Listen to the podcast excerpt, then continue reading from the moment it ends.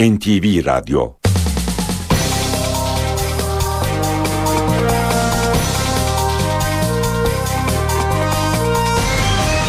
İşe Giderken Mutlu sabahlar. Ben Aynur Altunkaş. Bugün 30 Temmuz Salı işe giderkenle karşınızdayız. Saat 9'a kadar Türkiye ve dünya gündemindeki gelişmeleri, gazete manşetlerini, piyasa verilerini, yol ve hava durumlarını aktaracağız. Önce gündemin öne çıkan başlıkları.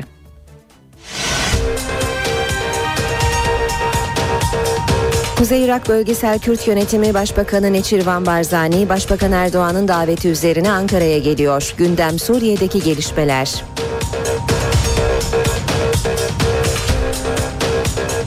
Avrupa Birliği Dış İlişkiler ve Güvenlik Politikası Yüksek Temsilcisi Catherine Ashton, Mısır'da darbeyle görevden alınan eski Cumhurbaşkanı Muhammed Mursi ile görüştü.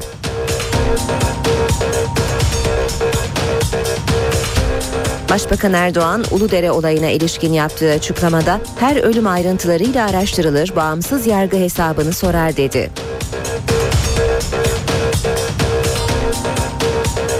Somali'deki Türk Büyükelçiliğine yapılan canlı bomba saldırısında Büyükelçilik'teki özel harekat polislerinin dikkatinin faciayı önlediği ortaya çıktı. Yeni anayasa taslağında tam mutabakatla yazılan madde sayısı 48'den 57'ye yükseldi.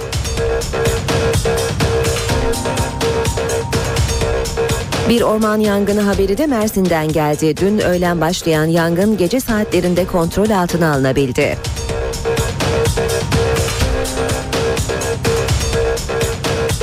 İsviçre'de iki tren kafa kafaya çarpıştı. Bazıları ağır olmak üzere 35 kişi yaralandı.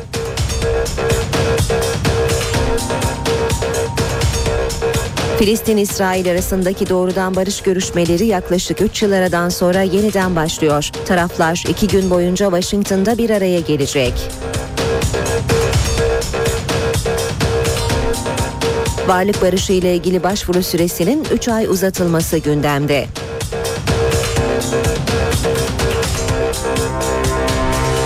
Ehliyet almak zorlaşıyor. Sürücü adayları sınavda 20 kusurlu hareketten birini yaparsa ehliyet alamayacak.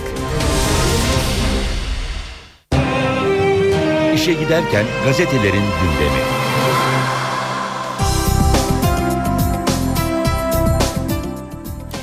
Gündemdeki gelişmelerin gazetelerdeki yankılarıyla devam edelim. Milliyet gazetesiyle başlayalım.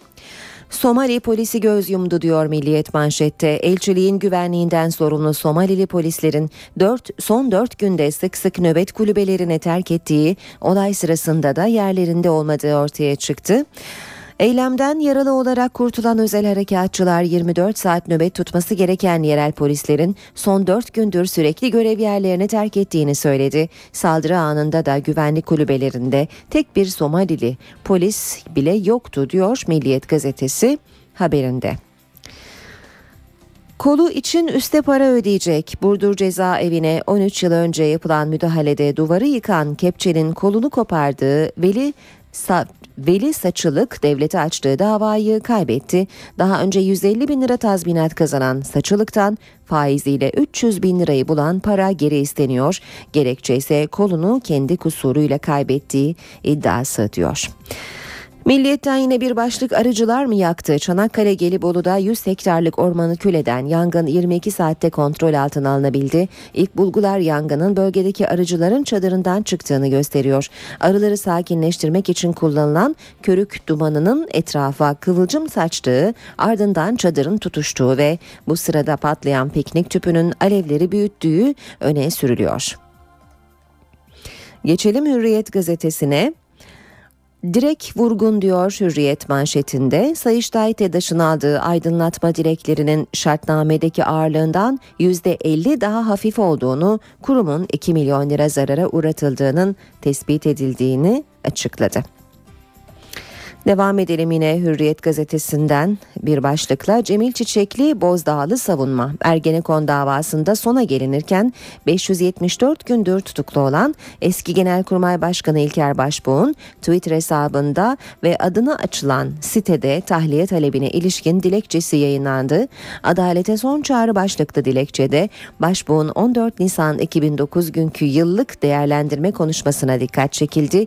O konuşmayla ilgili dönemin Başbakan Yardımcısı Yardımcısı Cemil Çiçek'in gerçekçi ve objektif dönemin AK Parti Grup Başkan Vekili Bekir Bozdağ'ınsa demokrasiyi güçlendirici bir yaklaşım dediği hatırlatıldı. Banka soyduran drama tahliye İzmir'de yaşayan Öne 3 yaşındaki oğlunun tedavisi için borç para aldığı tefeciler tarafından tehdit edilince 6 ay önce oyuncak tabanca ile banka soymuştu. Çaresiz baba 7 yıl hapse çarptırıldı. Karar kesinleşene kadar tahliye edildi. Bir başlık daha hürriyetten bin kaçakçı sınıra dayandı. Suriye'den Türkiye'ye ellerinde bidonlarla girmek isteyen bin kişi asker tarafından gaz bombalarıyla durduruldu diyor Hürriyet haberinde. Geçelim sabaha intihara kasten öldürme davası diyor sabah manşette. Yargıda bir ilk canına kıyan genç kızın erkek arkadaşlarına intihara mecbur bırakma suçlamasıyla cinayet davası açıldı. Uludere'de ölenler de Hantepe'deki de bizim diyor başlık sabahta. Başbakan Erdoğan cenazeler üzerinden siyaset ve ayrımcılık yapan anlayışı eleştirdi. Uludere'de ölenler candı. Onlar bizim canımızdan kopan parçalardı. Unutmayın Hantepe'de, Gediktepe'de, askeri karakola yapılan baskında ölenler de şehidimizdi. Her tarafa adil yaklaşacağız. Hepsi içinde aynı ızdırabı duyacağız. Cumhuriyetle devam ediyoruz. Gezi ikramiyesi emniyeti böldü demiş Cumhuriyet haberinde hükümetin ödüllendirmek için verdiği ikramiye polisleri birbirine düşürdü. Hükümetin gezi eylemleri sonrası polise dağıttığı ikramiye emniyette kriz yarattı. Ankara Emniyet Müdürlüğü'nde muhalif olarak bilinen polisler ikramiyeden yararlanmasın diye eylemlerde görev yapmayan polislere ikramiye verildiği öğrenildi. Personel rütbeli polisleri parayı paylaşmakla suçluyor diyor Cumhuriyet haberinde. Bekliyoruz başlığı yine Cumhuriyet'te adalet ve özgürlük için 5 Ağustos çağrısı Ergenekon'da yargılanan e, Mustafa Balbay ve gazeteci Özkan, Tuncay Özkan gazetecileri, hukukçuları, aydın, bilim insanı ve yurttaşları 5 Ağustos'taki karar duruşmasına çağırdı diyor Cumhuriyet haberinde. Yaş öncesi Türk Silahlı Kuvvetleri'nden kopuş 3 general istifa etti. Uludere'de 34 yurttaşın bombalanarak yaşamını yitirdiği olayla adı kamuoyunun önüne çıkan Kor General Damcı, casusluk davası sanığı Tüm General Öztürk ve Tüm General Kadıoğlu'nun istifa ettiği belirtildi. İstifaların henüz işleme konmadığı kaydedildi diyor Cumhuriyet Gazetesi haberinde. Devam ediyoruz. Taraf gazetesiyle Ankara Nusra'yı masaya oturttu diyor tarafın manşeti. Suriye'nin Kürt bölgesinde El Nusra cephesiyle PYD güçleri arasında süren çatışmada Türkiye iki tarafı da ateşkese zorluyor. Müzakereler başladı deniyor haberin ayrıntılarında. Bir başka başlık tarafta Başbakanı 3 bakan yanılttı. Savcılık tarafından GDO'lu pirinç skandalıyla ilgili soruşturulan AKP'li Mahmut Arslan'ı kurtarmak için 3 bakan devreye girmiş deniyor taraf gazetesinin haberinde. Devam edelim akşamla. Akşamın manşeti karargaha balyoz ayarı. Balyoz davasının temiz, Ergenekon davasının ise karar sürecine denk gelen yaş toplantıları için geri sayım başladı. Kuvvet komutanlıklarında görev değişiminin beklendiği yaşta yargılanan 22 general ya emekli edilecek ya da terfi verilmeyecek. Burada yatan Sinan mı? Somali'de Türk Büyükelçiliğine yönelik gerçekleştirilen saldırıda şehit olan Özel Harekat Polisi 42 yaşındaki Sinan Yılmaz'ın cenaze töreninde eşinin sözleri yürek dağladı.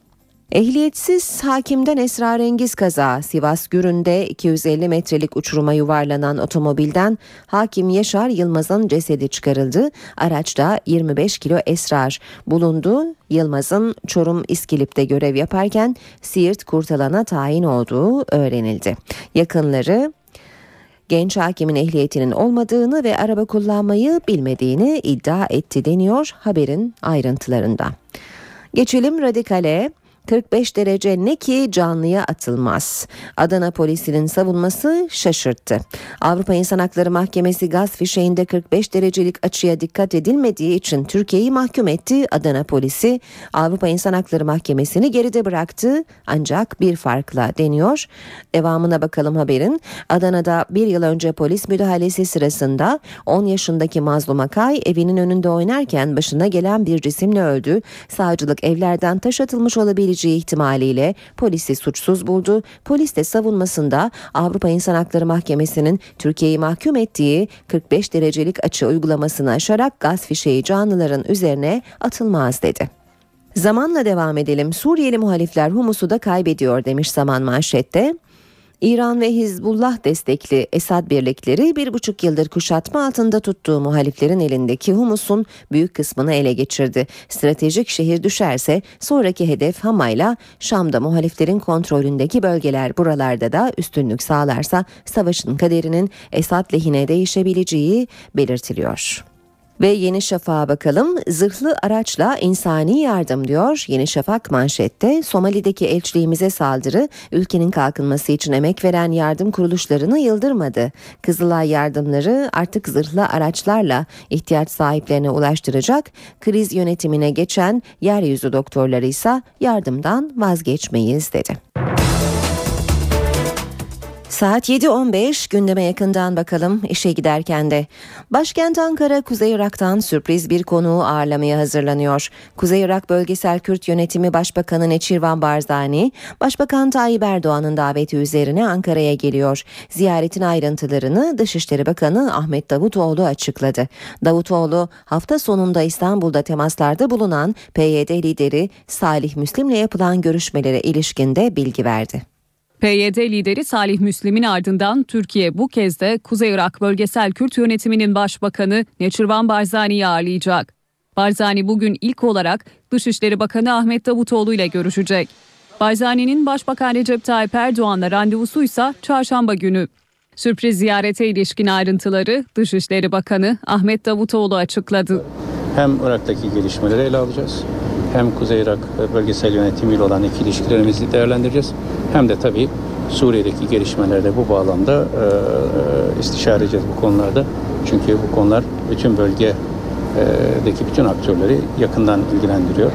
Ziyaret öncesinde Davutoğlu, Türkiye'nin Orta Doğu'da herhangi bir etnik mezhebi ya da dini gruba karşı tereddütü yok vurgusu yaptı.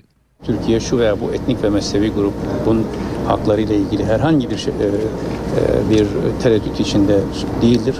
Aksine bütün e, kesimlerin eşit vatandaşlık içinde Suriye'de bundan sonra geleceklerini tayin etmeleri konusunda eşit haklara sahip olmaları temel ilkemizdir.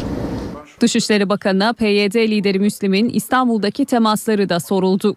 Davutoğlu planlanmış bir geziydi, Resulayn'daki gelişmeler üzerine çağrılmadı dedi. Ama Müslim'le yapılan görüşmede Türkiye'nin altını çizdiği öncelikleri sıraladı. Bir, rejime destek vererek bu zulmün parçası olmayın. İki, e, seçilmiş bir Suriye parlamentosu oluşana kadar herhangi bir emrivaki e, e, sürecin içinde olmayın. Üç, Türkiye'nin güvenliğini tehdit edecek bir şey içinde olmayın. Davutoğlu görüşmeler sonrası Salih Müslim'in özellik talepleri olmadığı yönündeki ifadelerinin de Türkiye'nin temel prensipleriyle uyumlu olduğunu söyledi. Davutoğlu, PYD ile Suriye muhalefetinin daha yakın ilişkiler kurması ve var olan sorunların çözümü için gerekli yardımın yapılacağını belirtti.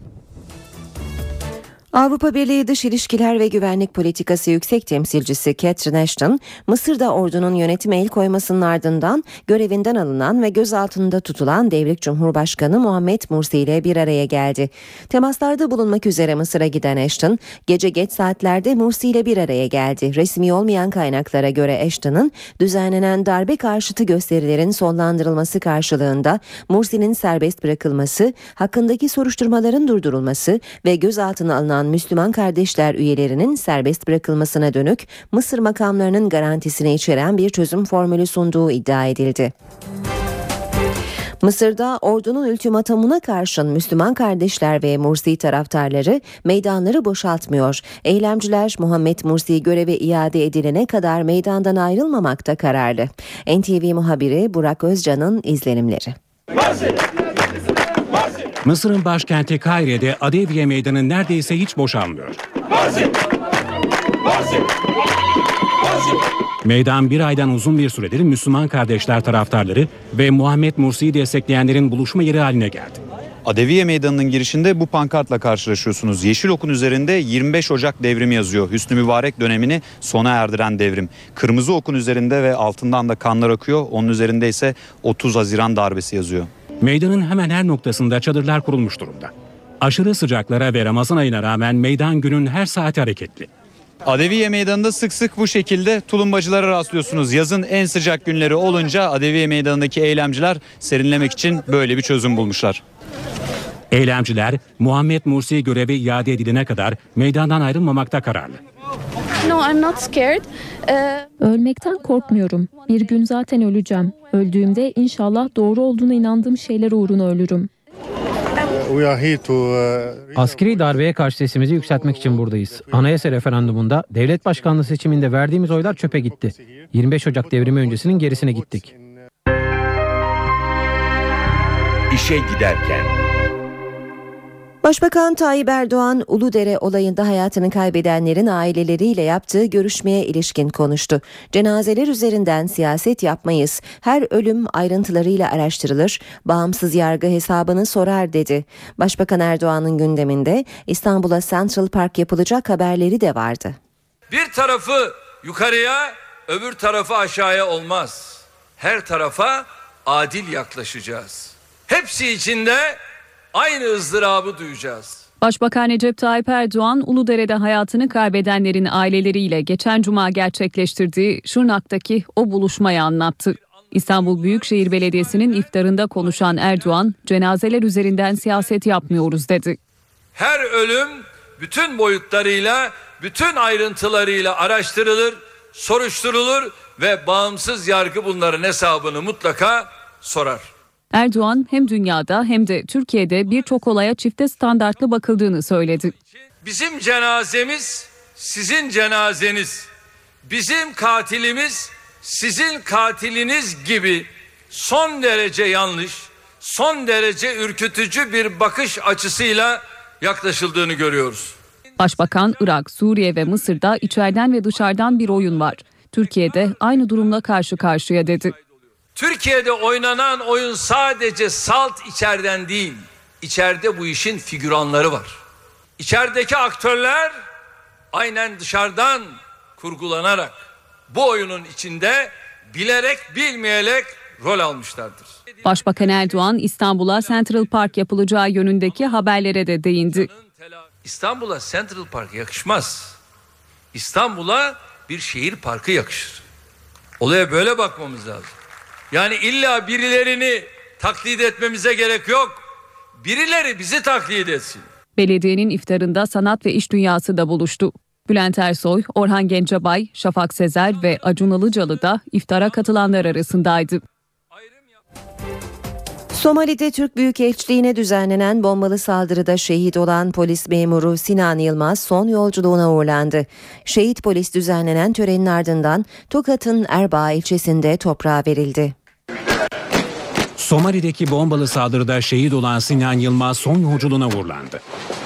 Ya Rabbi hepimize 42 yaşındaki özel harekat polisi için ilk tören Türkiye'deki son görev yeri Amasya'daydı.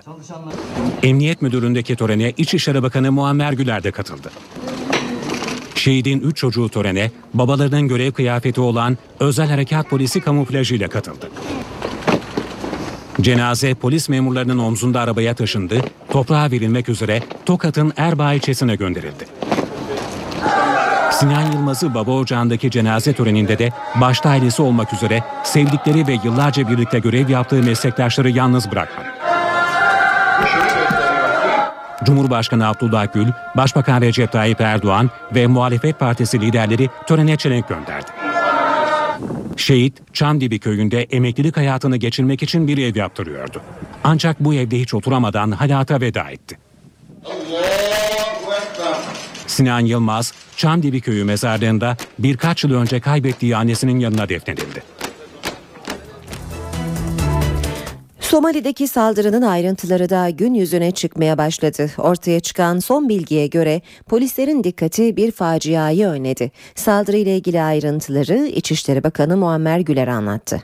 Yanlarında ona yakın bomba, iki ayrı bomba düzeneği vardı. Oradaki bütün görevlilerimizi ve elçilik mensuplarının tamamını binayla beraber yok etmeyi hedefleyen bir menfur saldırıydı. Buna rağmen öyle bir fırsat verilmedi ama bir evladımızı kaybetmenin de tabii üzüntüsünü yaşıyoruz. Somali'de Büyükelçilik saldırısında olası bir faciayı kahraman polisler önledi. İçişleri Bakanı Muammer Güler, şehit polis Sinan Yılmaz'ın cenaze töreninde açıkladı. Kardeşlerimiz, evlatlarımız burada can siparine bir görev anlayışıyla hareket ettiler. Bir canlı bomba eylemine rağmen 3 kişi teröristi etkisiz hale getirmeyi başardılar. Dışişleri Bakanı Ahmet Davutoğlu ve Başbakan Yardımcısı Bekir Bozdağ da aynı konuya dikkat çekti. Çok e, kapsamlı bir saldırıya rağmen e, elhamdülillah e, güvenlik güçlerimiz son derece başarılı bir e, şekilde tepki verdiler, karşı koydular. Bizim polislerimiz gerçekten büyük bir kahramanlık gösterdiler. Bizim polislerimizin profesyonelliği ve e, liyakatleri sayesinde diyelim bu olay daha büyük bir facia olma imkanı varken önlenmiştir. Aynı saldırıda yaralanan 4 polisin sağlık durumu da iyi. Hepsinin genel durumu gayet iyi. Ee, ağır durumda olan emniyet mensubumuz bulunmuyor. Meclis Başkanı Cemil Çiçek de hastanede ziyaret etti. Türkiye'nin Somali'deki çabalarından rahatsız olan güçlerin terörü kullandığını söyledi. Türkiye orada insani bir görev yapıyor. Türkiye'nin o bölgedeki faaliyetlerinden, çabalarından rahatsız olan e, bir kısım e, güçlerin olduğunu biliyoruz. Bunlar Türkiye'nin bu yöndeki çabalarına, Afrika'ya yönelik açılımlarına e, engel çıkarmak için maalesef her zaman olduğu gibi yine bu defa da e, terör örgütlerini e, kullandılar. Türkiye Afrika'da e, önemli çabalar gösteriyor. E, bir kısımlarının ayağına bastığımız anlaşılıyor. İşe giderken Çözüm sürecinin ikinci aşamasında hayata geçilecek demokratikleşme paketine bayramdan önce son şekli verilecek. Seçim barajının düşürülmesi pakette yok. Diğer taraftan seçim sisteminin değiştirilmesi ve ana dilde seçim propagandasının önünün açılması planlanıyor. Çözüm sürecinin ikinci aşamasında hayata geçmesi planlanan demokratikleşme paketinin taslağı bu hafta Başbakan Recep Tayyip Erdoğan'a sunuluyor. Pakette seçim barajının düşürülmesi yok. Ancak seçim kanununda değişiklik yapılarak BDP gibi baraj altında kalan partilere hazine yardımı yapılması ve seçim sisteminin değiştirilerek beşer milletvekili daraltılmış bölgelerin hayata geçmesi öngörülüyor. Paketteki kanunlardaki Türkçe propaganda zorunluluğundan vazgeçiliyor. Seçimlerde Kürtçe propagandanın önü açılıyor. Öngörülen düzenlemeler hayata geçerse yerleşim birimlerine Türkçe dışında isimler de verilecek. Hastane, sosyal güvenlik merkezleri ve postane gibi yerlerde ana dilde hizmet verilmesi benimseniyor. Demokratikleşme paketiyle başörtülü memur dönemi de başlayacak. Düzenleme kamu kurumlarında kıyafet serbestisi getirecek. Başbakan Erdoğan'ın da onayıyla pakete bayramdan önce son şekli verilmiş olacak ve düzenlemeler meclise sevk edilecek. İmralı Adası'nda Abdullah Öcalan'la görüşen dayısı Süleyman Arslan, Öcalan'ın çözüm sürecine ilişkin eleştirilerde bulunduğu mesajını verdi. Süleyman Arslan İmralı Adası dönüşünde Öcalan'ın barış süreci böyle olmaz, böyle olursa ben elimi çekerim, otururum, seyrederim dediğini ileri sürdü. Arslan'la birlikte İmralı Adası'na giden Öcalan'ın kız kardeşi Fatma Öcalan'sa görüşmenin kısa sürmesinden şikayet ederek abim normal bir hapishaneye çıksın artık dedi. Yeni anayasa taslağında tam mutabakatla yazılan madde sayısı 48'den 57'ye yükseldi. Uzlaşma Komisyonu temel hak ve özgürlükler başlığında 8, yargı başlığı altında ise bir maddede tam uzlaşma sağladı. Yeni anayasanın 57 maddesi hazır. Uzlaşma Komisyonu temel hak ve özgürlüklerle ilgili yargı bölümünde toplam 57 maddede tam uzlaşma sağladı. Meclis Başkanı Cemil Çiçek'in liderler turu sonrası çalışmalara devam kararı alan komisyon yeniden toplandı. Parti uzmanlarının tekrar müzakere ederek uzlaşma sağladığı 9 madde üst komisyonda ele alındı. 9 maddeye de onay verdi. Uzlaşma komisyonu toplantısında muhalefet AK Parti başkanlık sistemi önerisini geri çeksin ısrarını tekrar dile getirdi. AK Partili komisyon üyesi Mehmet Ali Şahin, buna karşılık başkanlık sisteminin kırmızı çizgileri olmadığını, genel mutabakat sağlanması durumunda bu öneriyi geri çekebileceklerini söyledi. Toplantıda komisyonun bayrama kadar her gün çalışmasına ve salı mesaisinde yargı başlarının müzakere edilmesine karar verildi. Başbakan Yardımcısı Bülent Arınç, Gezi Parkı eylemlerinin farklı amaçlarla, farklı şekillerle yeniden gündeme geleceği yönünde istihbarat aldıklarını söyledi. Bülent Arınç TRT'ye konuştu. Gezi Parkı eylemlerinin üniversitelerin açılacağı tarih olan Eylül ayı ile birlikte yeniden gündeme gelebileceğini söyledi. Gezi eylemlerinin amacından saptırıldığını savunan Arınç, Türkiye'nin ve hükümetin itibarını yerle bir etmeye çalıştılar. Buna isyan etmemek mümkün değil ifadesini kullandı. Kuzey Irak Bölgesel Kürt Yönetimi Başbakanı Neçirvan Barzani, Başbakan Erdoğan'ın daveti üzerine Ankara'ya geliyor. Gündem Suriye'deki gelişmeler.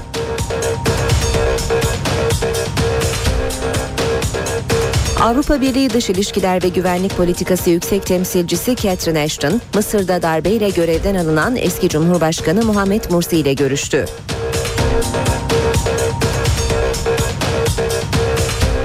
Başbakan Erdoğan, Uludere olayına ilişkin yaptığı açıklamada her ölüm ayrıntılarıyla araştırılır, bağımsız yargı hesabını sorar dedi.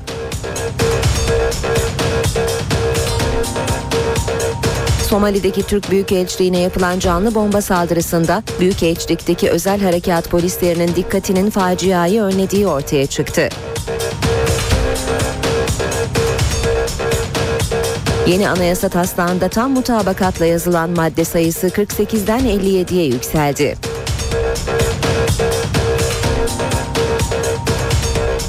Bir orman yangını haberi de Mersin'den geldi. Dün öğlen başlayan yangın gece saatlerinde kontrol altına alınabildi.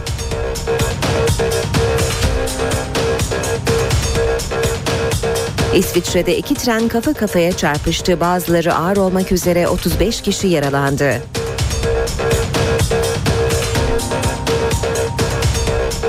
Filistin-İsrail arasındaki doğrudan barış görüşmeleri yaklaşık 3 yıl aradan sonra yeniden başlıyor. Taraflar iki gün boyunca Washington'da bir araya gelecek. Varlık barışı ile ilgili başvuru süresinin 3 ay uzatılması gündemde.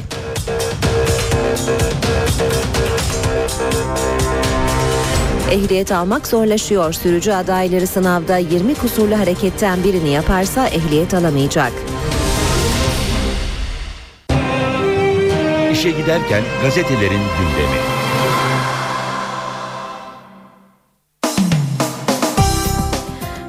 Gazetelerin manşetlerine hızlıca bakıp ardından spor sayfalarını çevireceğiz. Hürriyet gazetesiyle başlayalım.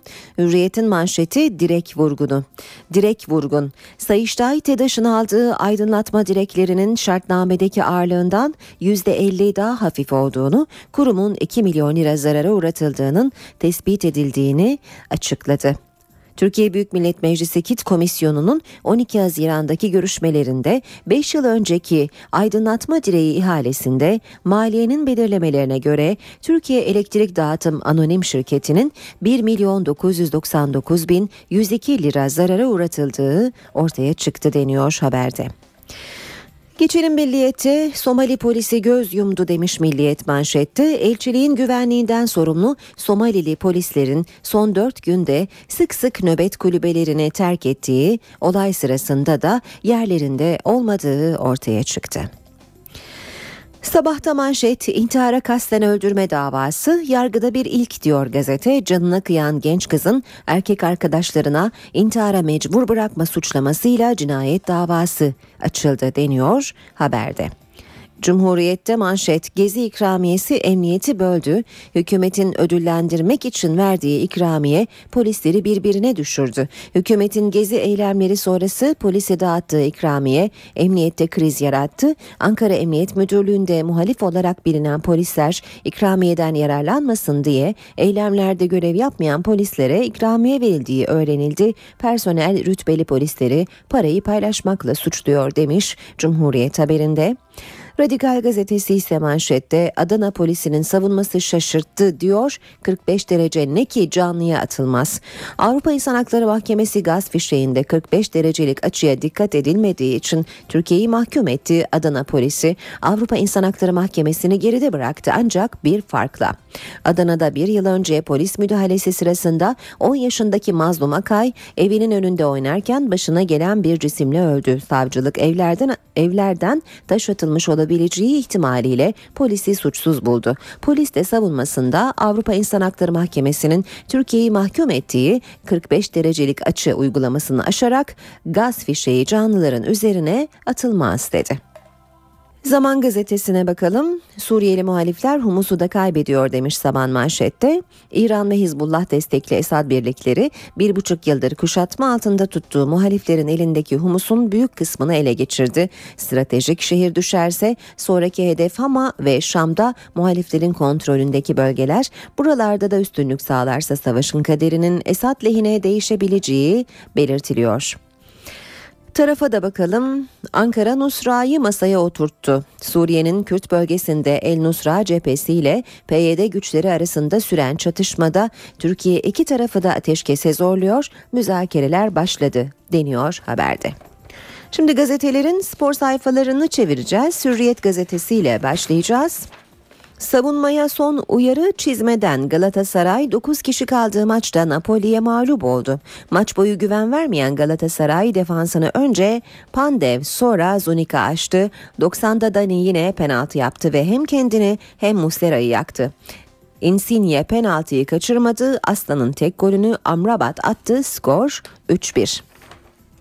Devam edelim. Son güne kadar Arda başlığıyla Fatih Terim milli yıldızı ısrarla kadrosunda görmek istiyor. Yüksek bir bedel talep eden Atletico ile pazarlıklar transferin son gününe kadar sürecek.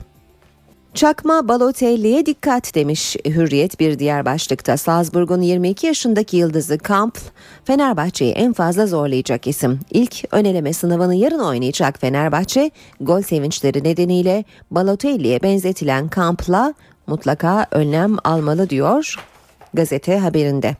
Devam edelim yine hürriyetten bir başlıkla. Üç büyükler beni yarı yolda bıraktı. Napoli'nin Türk asıllı yıldızı Gökhan İnler ülkemizde denendiği o günleri anlatıyor.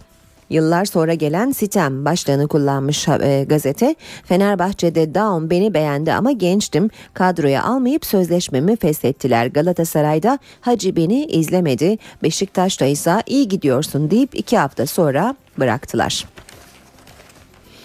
Sonu da Messi gibi olsun. Türkiye'nin Messi'si denilen Muhammed Demirci futboluyla dikkatleri çekiyor. Kartal'ın Kartal'ın yükselen değeri. Arjantinli yıldız gibi büyüme hormonu tedavisi gören 18 yaşındaki yıldız adayı için Bilic özgüven eksiğini, eksikliğini atlattığında Türkiye'nin değil Avrupa'nın konuşacağı marka olacağı inancındayım dedi. Spor haberlerine Milliyet gazetesiyle devam edelim. Aktaracağımız ilk haberin başlığı İtalyan çukuru. Galatasaray hazırlık sınavlarındaki ilk yenilgisini çizme deplasmanında Napoli'den aldı. Cimbom San Paulo stadında 60 bin kişinin izlediği Aqualete kupası maçında Pandev'in sayısıyla devreyi geride kapattı. İkinci yarının başında Amrabat'la eşitliği yakalayan sarı kırmızılı takım Zuniga ve uzatmada Insigne'nin penaltıdan attığı gollere engel olamayınca hayal kırıklığına uğradı deniyor devamda. Yine Milliyet gazetesinden aktaralım. Aslında bir Alman takımı. Fenerbahçe'nin eski yardımcı antrenörü Ayhan Tumani Salzburg'la ilgili önemli tüyolar verdi. Geçen sezon Avusturya'da Sturm Graz'ın sportif direktörlüğünü yapan Tumani, Sarı Lacivertli ekibin rakibi için teknik direktör Roger Schmidt ve sportif direktör Ralf Rangnick'le tam bir Alman ekolüne büründüler. Hızlı ve çabuklar, dikine oynamayı çok seviyorlar. Kesinlikle küçümsenmemesi gereken bir takım ifadelerini kullandı. Taraftar Cardozo dedi. Fenerbahçeli tarafların %67,92'si Paraguaylı oyuncunun gelmesini isterken %32'lik kısım tercihini Emenike'den yana kullandı. Yine Milliyet gazetesinden haberlere devam edelim. Reddi miras savunma hatalarını geçen yıldan kalan kötü bir miras olarak değerlendiren Beşiktaş'ın Hırvat çalıştırıcısı Bilic sadece de defansta değil hücuma çıkarken de bireysel yanlışlar yapıldığını söyledi. Garanti pasları tercih edin bundan sonra sıfır hata istiyorum diye konuştu. 1,5 milyon euro tartışması. Bursa Spor'un almak istediği Semih Şentürk'ün 1,5 milyon euro istemesi tartışma konusu oldu. Bazı yeşil beyazlı taraftar Bataya, Bataşa bile 1,2 milyon euro alıyor diyerek tepki gösterdi. Devam ediyoruz. Spor haberleri aktarmaya. Zlatan'ın sırrı çözüldü diyor Milliyet gazetesi. İsveç'in dünyaca ünlü yıldız futbolcusu Zlatan İbrahimovic'in geçen cumartesi Göteborg'da Paris Saint Germain'in Real Madrid'e karşı oynadığı özel maç sonrası forma ve şortunu çıkararak üstünde gözüken bikiniye benzer giysilerin sırrı çözüldü diyor. Birkaç seneden beri uygulanmaya başlanan söz konusu yeleklerin Barcelona, Milan ve Chelsea gibi Avrupa'nın birçok büyük kulübünün kullandığına işaret edilmiş ve teknik ekibe yardımcı olduğu ifade ediliyor bu kıyafetlerin. Onlar düşünsün başlığını da aktaralım. A Milli Basketbol takımının iki devi Oğuz Savaş ve Cemal Nalga uzun oyuncu rotasyonunun Avrupa'nın en iyilerinden birisi olduğunu söyledi. Rakiplerimiz bizden korksun dedi. Devam ediyoruz spor haberlerine NTV Radyo'da işe giderken de. Akşam gazetesinin spor sayfalarına bakacağız şimdi de. Cep taktik Yanal'ın Salzburg'u imha planı futbolcuların cep telefonuna yüklendi. Avrupa'nın devlerinin kullandığı son teknoloji analiz programı rakibi yazılı ve görsel olarak tarıyor. 25 dakikalık videoda Salzburglu oyuncuların özellikleri en ince ayrıntısına kadar yer alıyor. Futbolcular 24 saat boyunca analizleri izleyebiliyor. Devam edelim. Akşam gazetesinden aktarmaya Kartal'a Matrinator. Bir için istediği Alessandro Matri için girişimler başladı. Süper bir yıldız almak isteyen Beşiktaş gözünü Juventus'un golcüsüne dikti. Kartal 10 milyon euro isteyen İtalyanlara kiralama teklifi yaptı. Yalan ve iftira. Lütfi Araboğan Fener'in etik kuruluna baskı yaptığı iddiasına yanıt verdi. Etik kuruluna baskı yapmam mümkün değil. Bilgi kirliliği yaratmak için yapılan yalan ve iftiradır. Bir dostumun otelinde tesadüfi karşılaşmaydı. Zira o raporda adı geçen e, şahıs temiz çıktı. Temiz çıkması için mi tehdit etmişim diyor Lütfi Arıboğan. Sabah gazetesinden de başlıklar aktararak bu bölümü sonlandıracağız. E, İtal e, Galatasaray'ın Napoli ile yaptığı maça ilişkin başlık sabahta çizmeden kırmızı alarm e, başlığıyla yer alıyor. Devleri geçti ilk 20'ye girdi. Burak ve İlkay en iyi 50'de. Gol.com'un dünyanın en iyi 50 futbolcusu listesinde 20. sırada yer verilen Burak Yılmaz, İbrahimovic, Götze, Luis Suarez, Pirlo gibi isimleri bile geçti. Bitmeyen korku, seyirci olayları nedeniyle Avrupa'dan bir yıl men cezası bulunan Fenerbahçe'yi Salzburg maçı öncesi yine korku sardı. Fenerbahçe yönetimi kendilerine ayrılan tribün dışındaki gurbetçilerin sorumluluğunu almadığını UEFA'ya bildirdi. Böylece bitiriyoruz bu bölümü de gündeme yakından bakmaya devam edelim. İşe giderken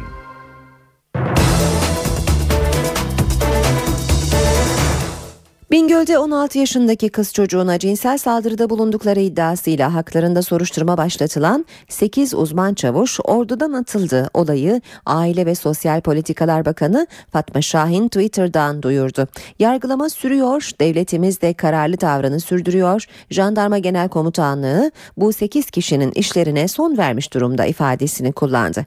Cinsel saldırı soruşturmasında gözaltına alınan zanlılar tutuksuz yargılanmak üzere serbest bırakılmış. Ve Sosyal Politikalar Bakanlığı'nın itirazı üzerine mahkeme şüphelilerden MT'nin tutuklanmasına karar vermişti.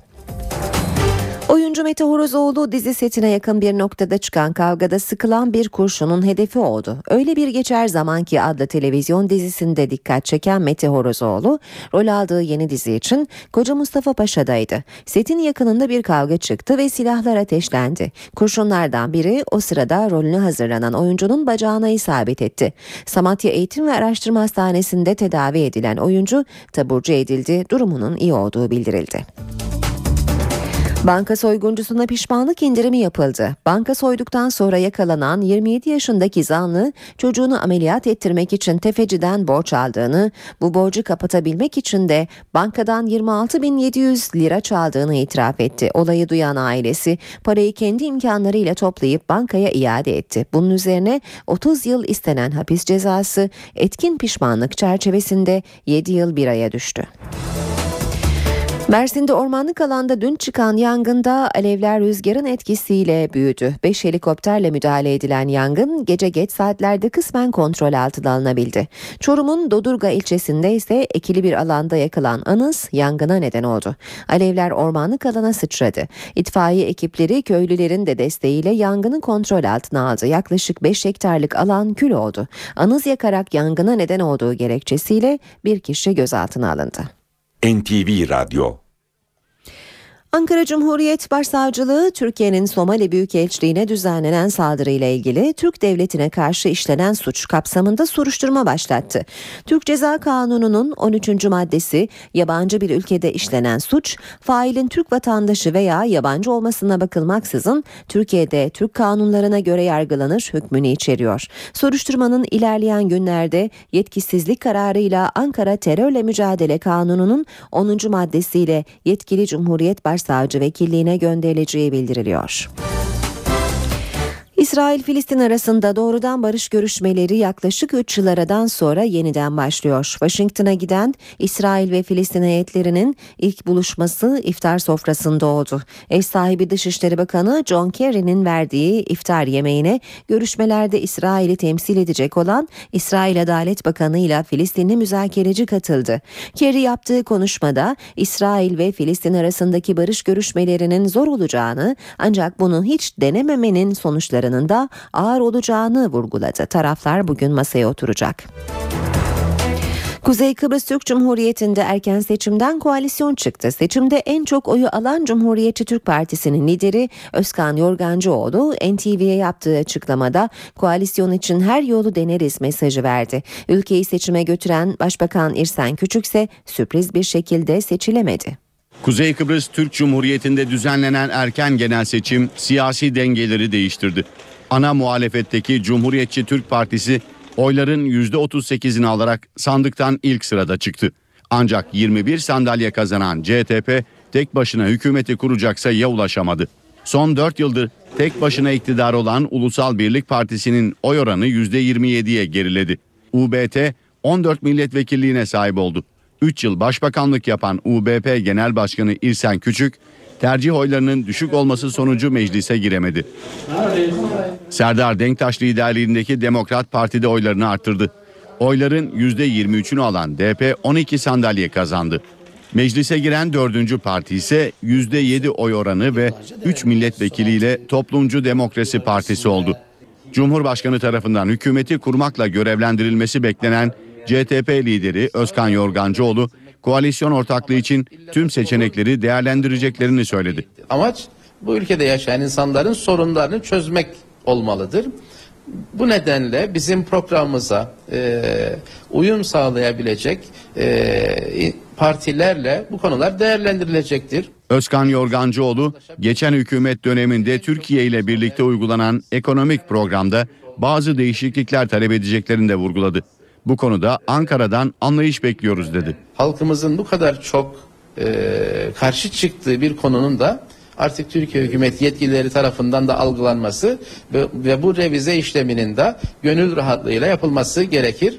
E, bunu biz masaya yatıracağız. E, bu konuda daha önce de söyledik e, ve bu konuda Türkiye hükümet yetkililerinden de anlayış bekliyoruz. NTV Radyo Herkese yeniden günaydın. Yeni saati hava durumuyla gireceğiz. Gökhan Abur'la konuşacağız. Önce gündemin başlıklarını hatırlayalım.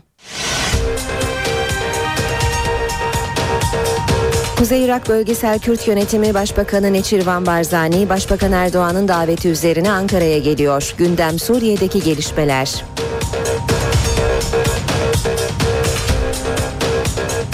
Avrupa Birliği Dış İlişkiler ve Güvenlik Politikası Yüksek Temsilcisi Catherine Ashton, Mısır'da darbeyle görevden alınan eski Cumhurbaşkanı Muhammed Mursi ile görüştü.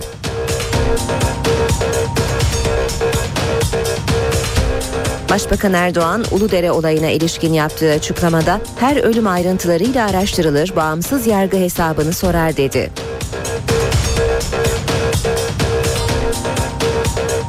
Somali'deki Türk Büyükelçiliğine yapılan canlı bomba saldırısında Büyükelçilik'teki özel harekat polislerinin dikkatinin faciayı önlediği ortaya çıktı. Yeni anayasa taslağında tam mutabakatla yazılan madde sayısı 48'den 57'ye yükseldi.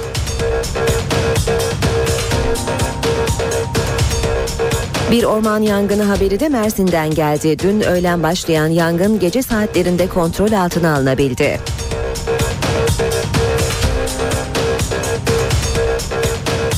İsviçre'de iki tren kafa kafaya çarpıştı. Bazıları ağır olmak üzere 35 kişi yaralandı.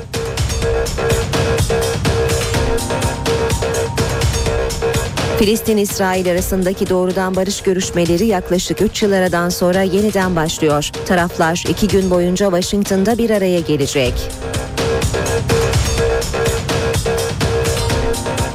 Varlık barışı ile ilgili başvuru süresinin 3 ay uzatılması gündemde.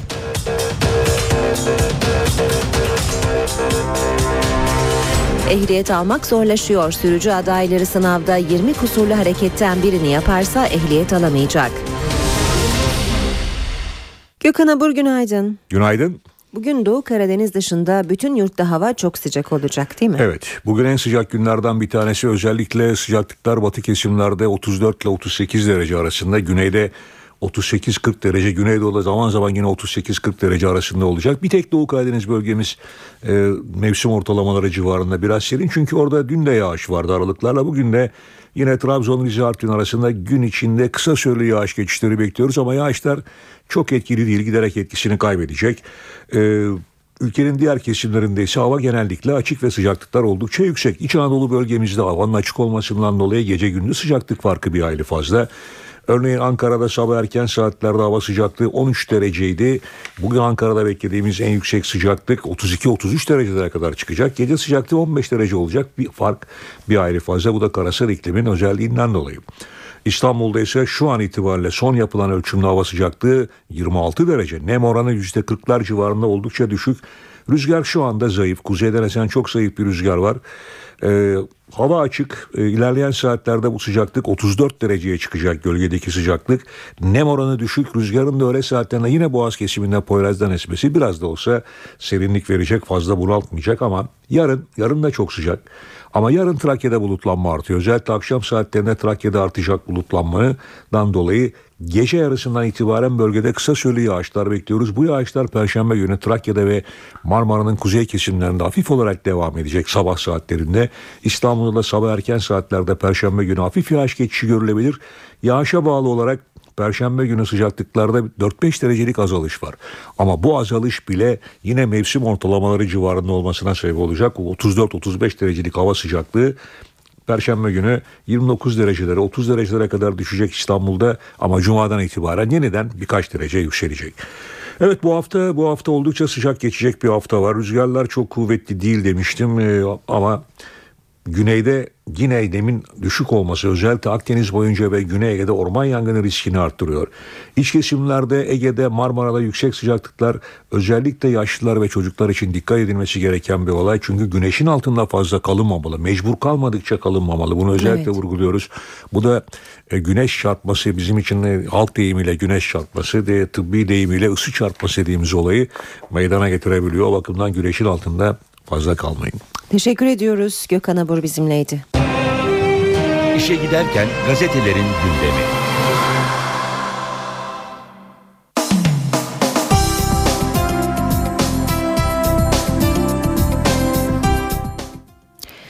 Gazetelerin manşetleriyle devam edeceğiz.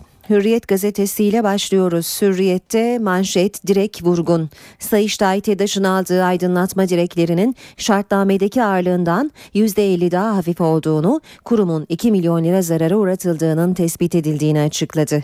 Meclis Git Komisyonu'nun 12 Haziran'daki görüşmelerinde 5 yıl önceki aydınlatma direği ihalesinde maliyenin belirlemelerine göre Türkiye Elektrik Dağıtım Anonim Şirketi'nin 1 milyon 999 bin 102 lira zarara uğratıldığı ortaya çıktı deniyor haberde.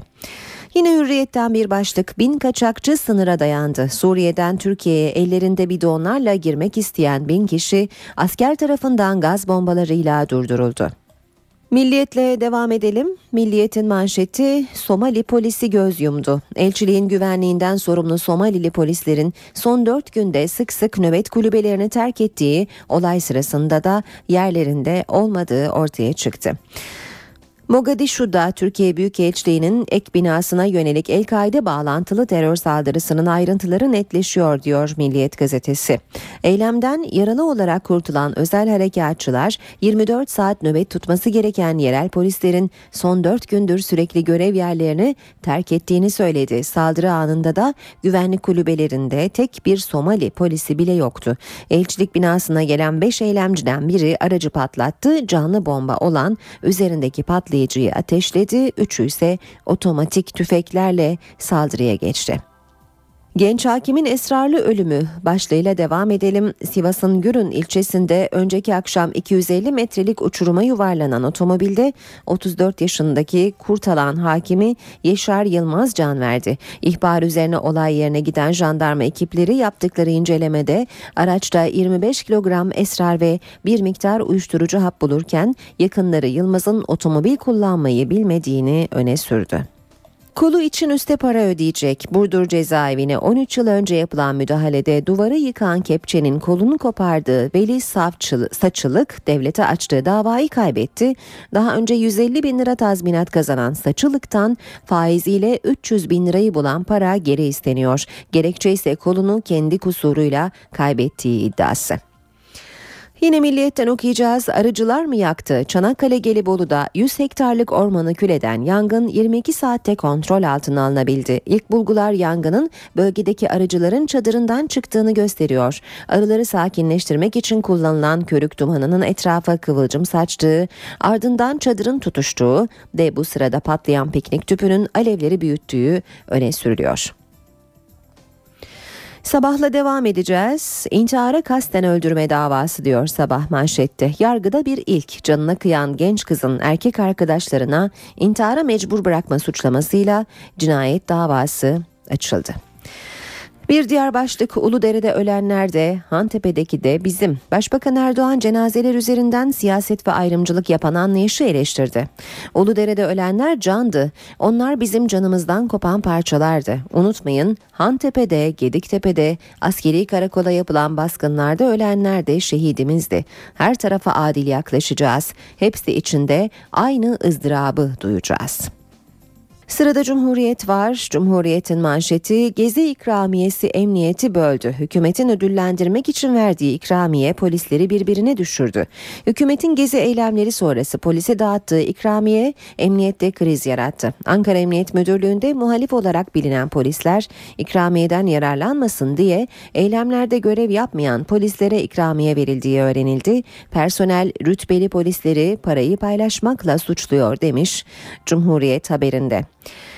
Radikal'de ise manşet 45 derece ne ki canlıya atılmaz. Adana polisinin savunması şaşırttı.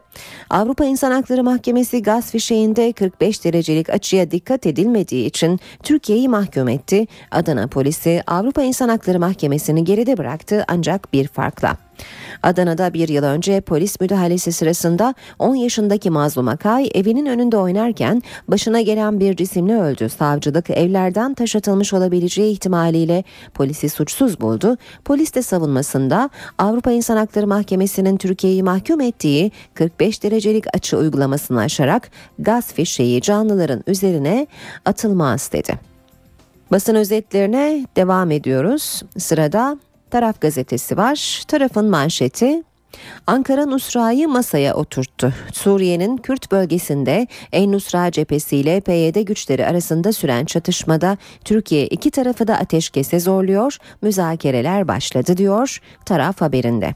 Akşamın manşeti karargaha balyoz ayarı, balyoz davasının temiz, Ergenekon davasının ise karar sürecine denk gelen yaş toplantıları için geri sayım başladı. Kuvvet komutanlıklarında görev değişiminin beklendiği yaşta yargılanan 22 general ya emekli edilecek ya da terfi verilmeyecek. Zamanın manşeti Suriyeli muhalifler Humus'u da kaybediyor. İran ve Hizbullah destekli Esad birlikleri bir buçuk yıldır kuşatma altında tuttuğu muhaliflerin elindeki Humus'un büyük kısmını ele geçirdi. Stratejik şehir düşerse sonraki hedef Hamayla Şam'da muhaliflerin kontrolündeki bölgeler. Buralarda da üstünlük sağlarsa savaşın kaderinin Esad lehine değişebileceği belirtiliyor. Yeni Şafak var sırada zırhlı araçla insani yardım. Somali'deki elçiliğimize saldırı ülkenin kalkınması için emek veren yardım kuruluşlarını yıldırmadı. Kızılay yardımları artık zırhlı araçlarla ihtiyaç sahiplerine ulaştıracak. Kriz yönetimine geçen yeryüzü doktorları ise yardımdan vazgeçmeyi istedi. Ankara gündemi.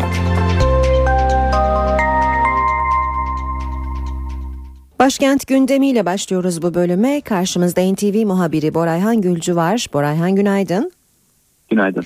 E, gündemde öne çıkan iki başlık göze çarpıyor. Önce e, hem bir konuk var Ankara'ya gelecek bugün e, Kuzey Irak Bölgesel Kürt Yönetimi Başbakanı Neçivan Barzani ve anayasa taslağında da uzlaşılan madde sayısı 57'ye yükseldi. Önce bu iki başlıkla ilgili ayrıntıları alalım senden. Yeni anayasayla başlayalım o zaman. Dünkü son toplantıda yeni anayasanın 57 maddesi hazır hale getirildi. Uzlaşma Komisyonu temel hak ve özgürlüklerle yargı bölümlerinde toplam 57 maddede tam uzlaşma sağladı. Meclis Başkanı Cem İşçi'nin liderler turu sonrası çalışmalara devam kararı alan komisyon dün yeniden toplanmıştı. Parti uzmanlarının tekrar müzakere ederek uzlaşma sağladığı 9 madde üst komisyonda ele alındı bu defa. 9 maddeye de onay geldi. Uzlaşma komisyonu toplantısında muhalefet AK Parti başkanlık sistemi önerisini geri çeksin ısrarını bir kez daha dile getirdi. Ancak AK Partili komisyon üyesi Mehmet Ali Şahin buna karşılık başkanlık sisteminin kırmızı çizgileri olmadığını ve genel mutabakat sağlanması durumunda bu öneriyi geri çekebileceklerini tekrar etti. Toplantıda komisyonun bayrama kadar her gün çalışmasına ve salı mesaisinde de yargı başlığının müzakere edilmesine karar verildi. Geçelim başkent Ankara'nın sürpriz konuğuna Kuzey Irak Bölgesel Türk Yönetimi Başbakanı Neçirvan Barzani, Başbakan Tayyip Erdoğan'ın daveti üzerine Türkiye'ye geldi. Barzani akşam saatlerinde Ankara'da olacak. Bugün Dışişleri Bakanı Ahmet Davutoğlu ile görüşüyor. Daha sonra Başbakan Tayyip Erdoğan tarafından kabul edilecek. Görüşmenin yarın gerçekleşmesi bekleniyor. Suriye'deki gelişmelerin masaya yatırılacağı görüşmelerde ayrıca Ağustos ayı içinde toplanması beklenen Ulusal Kürdistan Konferansı'na yönelik Barzani'den bilgi alınacak. Türkiye'nin hassasiyetleri aktarılacak. Bir diğer başlığımız Başbakan Tayyip Erdoğan bugün haftalık olağan görüşme kapsamında Genelkurmay Başkanı Orgeneral Necdet Özer'le bir araya geliyor. Görüşmede yine Suriye sınırında yaşanan çatışmalar ve çözüm süreci başlıklarının ele alınmasını bekliyoruz. Başkent Ankara'nın bugün yabancı bir konu daha var. Meksika Dışişleri Bakanı Jose Antonio Curibrena başkentte. Ekonomi Bakanı Zafer Çağlayan ve Dışişleri Bakanı Ahmet Davutoğlu ile görüşecek. Davutoğlu Kuribrana görüşmesinin ardından ortak bir basın toplantısı düzenlenecek. Yargı cephesine bakacak olursak 361 sanıklı balyoz davasının Yargıtay'daki temiz süreci devam ediyor. Mahkeme heyeti sanık avukatlarının savunmalarını dinlemeye devam edecek. Bir notumuz da ekonomi cephesinden var. Piyasaların gözü bugün enflasyon raporunda olacak. Merkez Bankası Başkanı Erdem Başçı bugün düzenleyeceği basın toplantısıyla 3. enflasyon raporunu açıklıyor olacak. Son başlığımız Türkiye Büyük Millet Meclisi'nden meclis kapalı ancak basın toplantıları var. Bugün CHP Genel Başkan Yardımcısı Faruk Loğlu, BDP Diyarbakır Milletvekili Altan Tan ve MHP Grup Başkan Vekili Oktay Vural'ın basın toplantıları olacak. Evet başkent Ankara'da günün öne çıkan başlıkları bu şekilde olacak. Bizler de gün içerisinde canlı yayınlarla tüm bu gelişmeleri aktarmayı sürdüreceğiz. Teşekkür ediyoruz. Borayhan Gülcü başkent gündemini aktardı.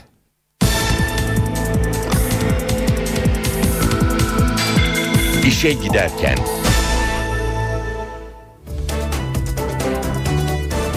Gündemdeki gelişmelere yakından bakmaya devam edelim. Balyoz davasının temiz sürecinde 9. duruşma sonunda 176 sanık savunmalarını tamamladı. Son duruşmada olanlardan biraz bahsedelim. Fethullah Gülen ve Metin Kaplan davaları hatırlatıldı. Müvekkillerin tahliyesi istendi. Yargıtay'daki balyoz davasının 9. duruşmasını avukat Ali Fahir Kayacan'ın savunması damga vurdu. Avukat Kayacan temiz duruşmasını da gören 9. Ceza Dairesi'nin Fethullah Gülen ve Metin Kaplan davalarında aldığı beraat kararlarını hatırlattı. Her iki davanın da layık devlet yapısını değiştirmek ve yerine dini kurallara dayalı devlet kurma amacıyla yasa dışı örgüt kurup bu amaç doğrultusunda faaliyette bulunduğu iddiasıyla açıldığını ve iki davada da beraat kararı çıktığını söyledi. Kayacan, müvekkillerine isnat edilen eylemlerin de hayata geçirilmediğini, cebir ve şiddet içermediğini kaydetti. Ali Fahir Kayacan, çoğu hava pilot olan müvekkillerinin kefen giyerek uçağa bindiklerini ve ölüme yakın olduklarını ifade etti. Sahte deliller ve değiştirilen dijital verilere rağmen suçlu bulunurlarsa aileleri ve Türk milleti tarafından şehit kabul edilecekler dedi. Kayacan savunmasında müvekkili Hüseyin Çınar'ın mektubunda okudu. Çınar'ın mektubundaki köprüden önceki son çıkıştayız. Burada da çığlığımızı duymazsanız hayatımızı karartmış olacaksınız. Elinizi vicdanınıza koyun satırları dikkat çekti. 9. duruşmada mahkeme başkanı Ekrem Ertuğrul sanık avukatlarından Oğuz Kayıran'ı uyardı. Yargı sistemi ve hakimler hakkında konuşan avukata yargı organlarına ve hakimlere yönelik sözlerinize devam ederseniz hakkınızda işlem başlatır ve suç duyurusunda bulunurum dedi. Ergenekon davasında haftaya pazartesi günü karar açıklanması bekleniyor. 574 gündür tutuklu olan eski Genelkurmay Başkanı İlker Başbuğ, avukatı aracılığıyla verdiği dilekçede tahliyesini talep etti. Avukat Başbuğ'un 2009'da Harp Akademilerinde yaptığı yıllık değerlendirme konuşmasına vurgu yaptı. Başbuğ'un demokrasi düşmanı olamayacağını vurguladı. Aynı yıl Başbakan Yardımcısı olan Cemil Çiçek ve AK Parti Grup Başkan Vekili olan Bekir Bozdağ'ın da bu konuşması ile ilgili ilgili olumlu yorumlarına yer verildi. İlker Başbuğ'un terör örgütünün üst düzey yöneticisi olma ve hükümeti ortadan kaldırmaya teşebbüs suçlamalarının gerçek dışı olduğu savunuldu. 2014'te yapılacak Cumhurbaşkanı seçiminde gurbetçiler ilk kez bulundukları yerde oy kullanabilecek. Ancak seçim ikinci tura kalırsa sorun çıkabilir. Siyasiler şimdi bu sorunun şimdiden zaman sorununun aşılması için formülleri tartışıyor.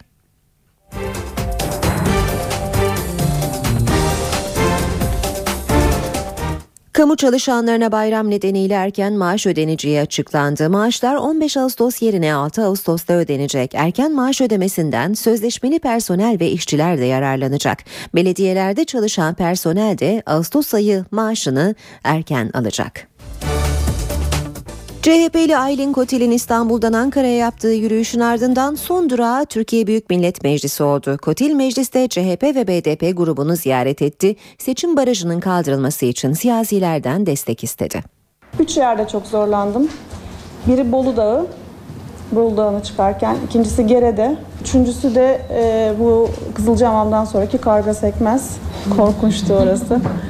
Yani orada sekti mi sekmedi mi artık bilmiyorum.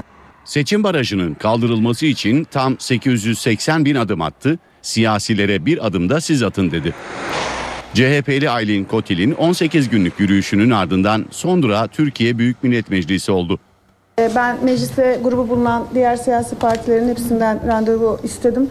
Fakat sadece BDP ve Cumhuriyet Halk Partisi'nden randevuma karşılık geldi. Seçim barajını kaldırmak bir samimiyet sınavıdır. Kotil önce BDP grubunu ziyaret etti. Genelde e, hep söylenir çare yoksa yol çaredir.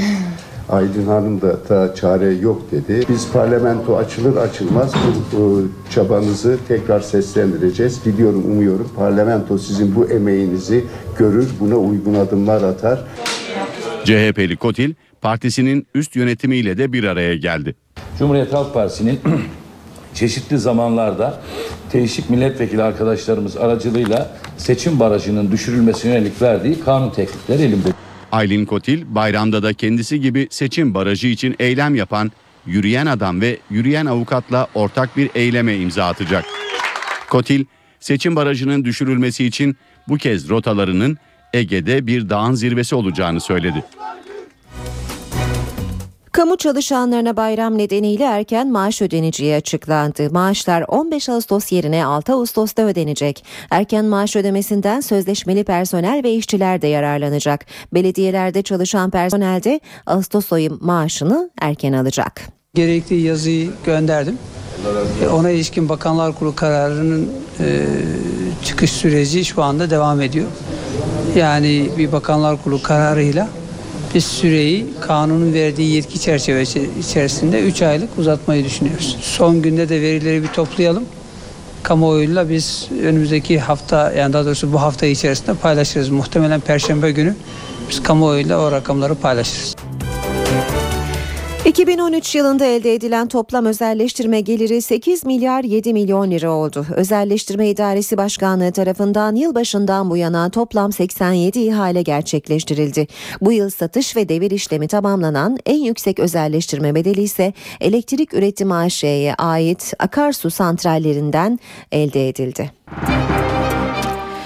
Piyasalara bakalım BIST 100 endeksi 383 puan artışla %0,53 oranında değer kazanarak 72.938 puandan kapandı. Bu sabah serbest piyasada dolar 1.93 euro 2.55'ten işlem görüyor. Euro dolar 1.33 dolar yen 98 düzeyinde. Altının onsu 1328 dolar kapalı çarşıda külçe altının gramı 83 Cumhuriyet altını 573 çeyrek altın 144 liradan işlem görüyor. Brent petrolün varili 107 dolar. Kuzey Irak Bölgesel Kürt Yönetimi Başbakanı Neçirvan Barzani, Başbakan Erdoğan'ın daveti üzerine Ankara'ya geliyor. Gündem Suriye'deki gelişmeler.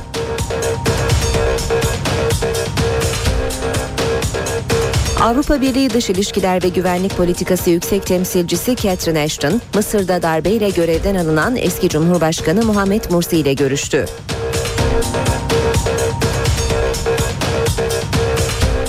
Başbakan Erdoğan, Uludere olayına ilişkin yaptığı açıklamada her ölüm ayrıntılarıyla araştırılır, bağımsız yargı hesabını sorar dedi.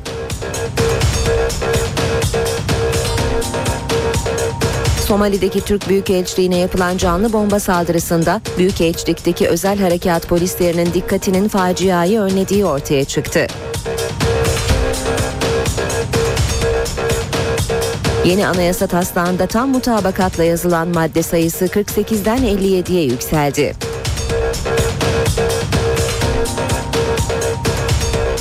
Bir orman yangını haberi de Mersin'den geldi. Dün öğlen başlayan yangın gece saatlerinde kontrol altına alınabildi.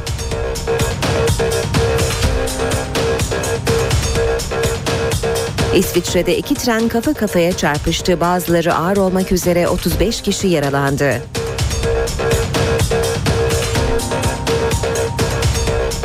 Filistin-İsrail arasındaki doğrudan barış görüşmeleri yaklaşık 3 yıl sonra yeniden başlıyor. Taraflar iki gün boyunca Washington'da bir araya gelecek. Varlık barışı ile ilgili başvuru süresinin 3 ay uzatılması gündemde.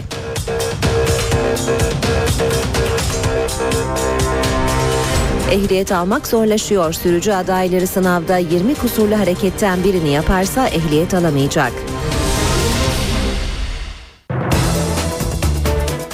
Saat 8.38 olmak üzere NTV Radyo'da işe giderken de birlikteyiz. Gündemin ayrıntılarını aktarmaya devam ediyoruz. Emniyet Genel Müdürlüğü'nün sırdaş polis adı altında vatandaşı ihbarcılığa çağırması tartışma yarattı. İsimsiz ihbarcılar için her mahalleye bir kutu konması gündemde. Ayrıntılara kulak verelim. Suçla mücadelede muhbir vatandaş dönemi başlıyor. Emniyet Genel Müdürlüğü Sırdaş Polis İhbar Noktası projesi başlatıyor. Polis sokaklarda uygun noktalara yazılı ve sesli ihbar kutuları koyacak. Vatandaş ister yazılı, ister sözlü, isimsiz ihbarda bulunabilecek. İhbarlar gizli tutulacak.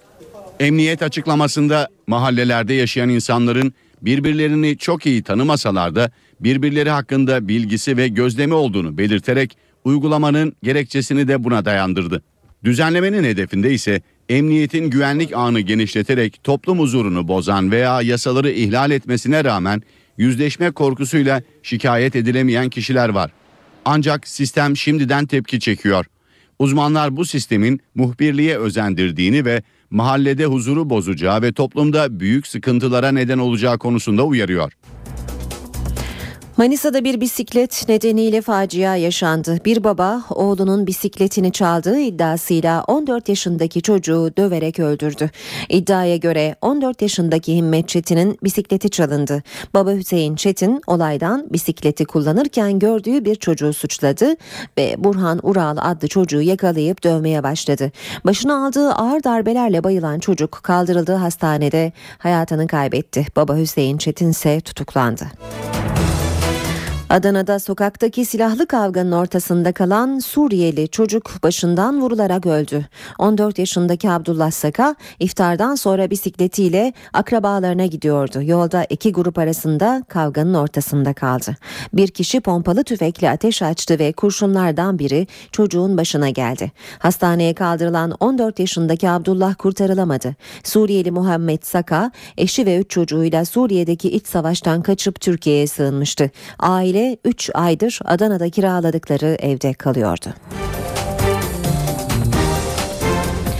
Trafik kazalarını önlemek amacıyla çok önemli bir adım atılıyor. Sürücü ehliyeti almak zorlaşıyor. Bundan böyle ehliyet sınavına giren sürücü adayları yaptıkları ilk ciddi hatada eğlenecek. Milli Eğitim Bakanlığı Özel Öğretim Kurumları Genel Müdürü Mehmet Küçük, ehliyet almanın püf noktalarını, sınavda yapılmaması gerekenleri NTV muhabiri Ercan Gürses'e anlattı dinliyoruz. Emniyet kemeri takılı değil. Şu anda adayımız sınavdan kalmış oluyor. Ehliyet sınavındaki ilk iş emniyet kemeri. Adaylar buna dikkat etmeli. Milli Eğitim Bakanlığı ehliyet sınav yönetmeliğini değiştirdi. 20 fahiş hata belirlendi. Sürücü adayları bunlardan birini yaptığı an sınav devam edemeyecek, elenecek. Yaya geçitinde kurallara uymuyor ise, direksiyon hakimiyeti zayıfsa, kendisini geçen arabalara kolaylık sağlamıyorsa yine sürücü belgesini alamamış olacak. Bir başka fahiş hata hız sınırına uymamak.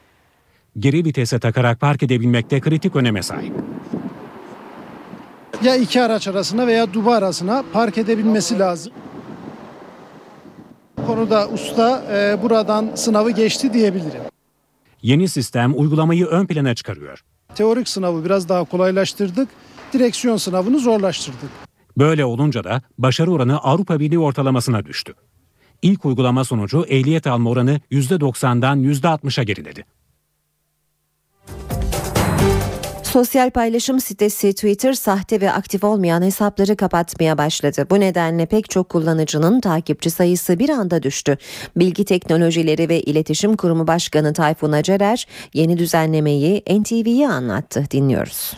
Türkiye'deki e, bir takım mağduriyetleri dikkate aldığımızda neredeyse her 10 kullanıcıdan bir tanesi en az bir tanesi belki daha fazlası e, sahte hesap mağduru. Twitter bu konuda gelen talepleri kendisine gelen şikayetleri değerlendirdi ve böyle bir karar aldı.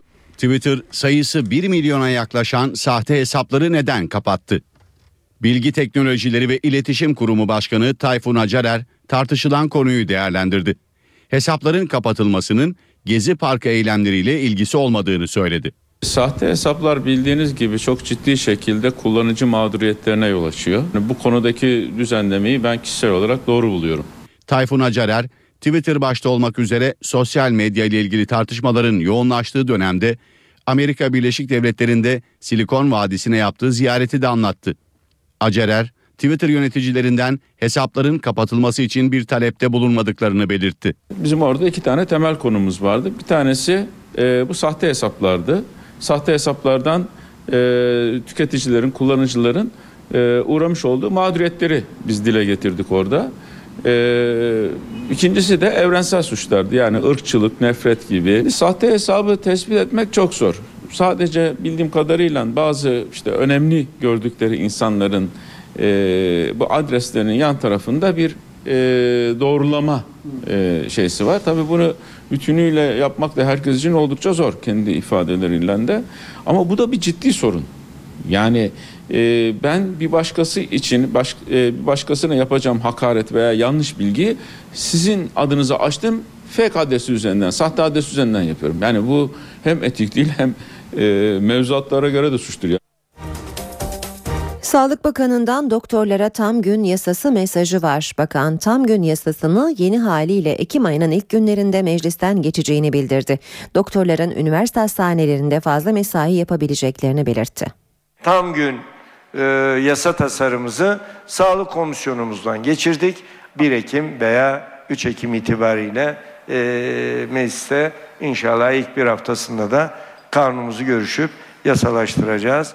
Sağlık Bakanı Mehmet Müezzinoğlu, sağlık çalışanlarına verdiği iftarda tam gün yasasındaki düzenleme ile ilgili bilgi verdi. Tam günde zaman zaman burada da önümüzdeki iki aylık dönemde bir boşluk da oldu. Üniversitelerdeki hocalarımızın üniversite bütün emeklerini, bütün mesailerini, bütün birikimlerini üniversiteyle birlikte götürmelerini istiyoruz. Sağlık Bakanı fazla mesai yapmak isteyen hekimlere de seslendi. Benim enerjim var derlerse evet kanunumuz mecliste yasalaştıktan sonra 5'ten sonra 24 saat yine üniversitelerinde devam edebilecekler. Katılım paylarından maddi gelirleri anlamında bir e, emeklerinin karşılığını alabilecekleri hakları doğacak. Bakan Müezzinoğlu'nun üniversitedeki doktorlara da çağrısı vardı. Hocalarımız, üniversitelerimizin hocaları. Üniversitelerimizle birlikte hocalarımız marka değerini yükseltsinler. Her hocamızın fakültelerinde kalmalarını istiyoruz. Spor haberlerine bakalım. Fenerbahçe Şampiyonlar Ligi 3. ön eleme turunda oynayacağı maç için bugün Avusturya'ya gidecek. Antrenman Fenerbahçe Can Bartu tesislerinde et teknik direktör Ersun Yanal yönetiminde basına kapalı gerçekleştirildi.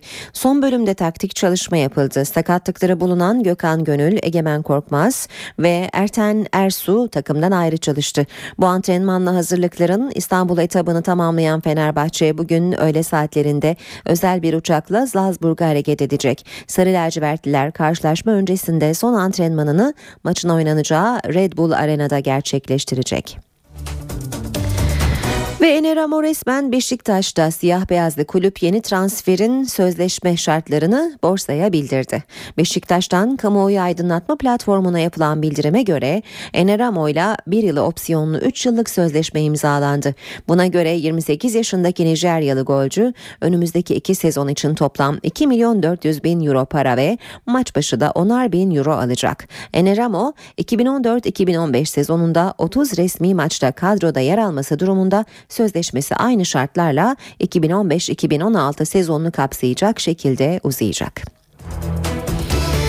Bitiriyoruz böylece işe giderken ama bir son dakika haberi aktaralım. Çanakkale Gökçeada açıklarında 5,3 büyüklüğünde bir deprem meydana geldi. Marmara bölgesinde Çanakkale, İstanbul ve Kocaeli'de hissedildi deprem. Tekrarlayalım Çanakkale'de 5,3 büyüklüğünde deprem meydana geldi. Depremin Gökçeada açıklarında olduğu ve Marmara bölgesinde Çanakkale'nin yanı sıra İstanbul ve Kocaeli'de de hissedildiği gelen bilgiler arasında ayrıntıları aktarmaya devam edeceğiz. Saat başında yeniden buluşmak üzere. Hoşçakalın. NTV Radyo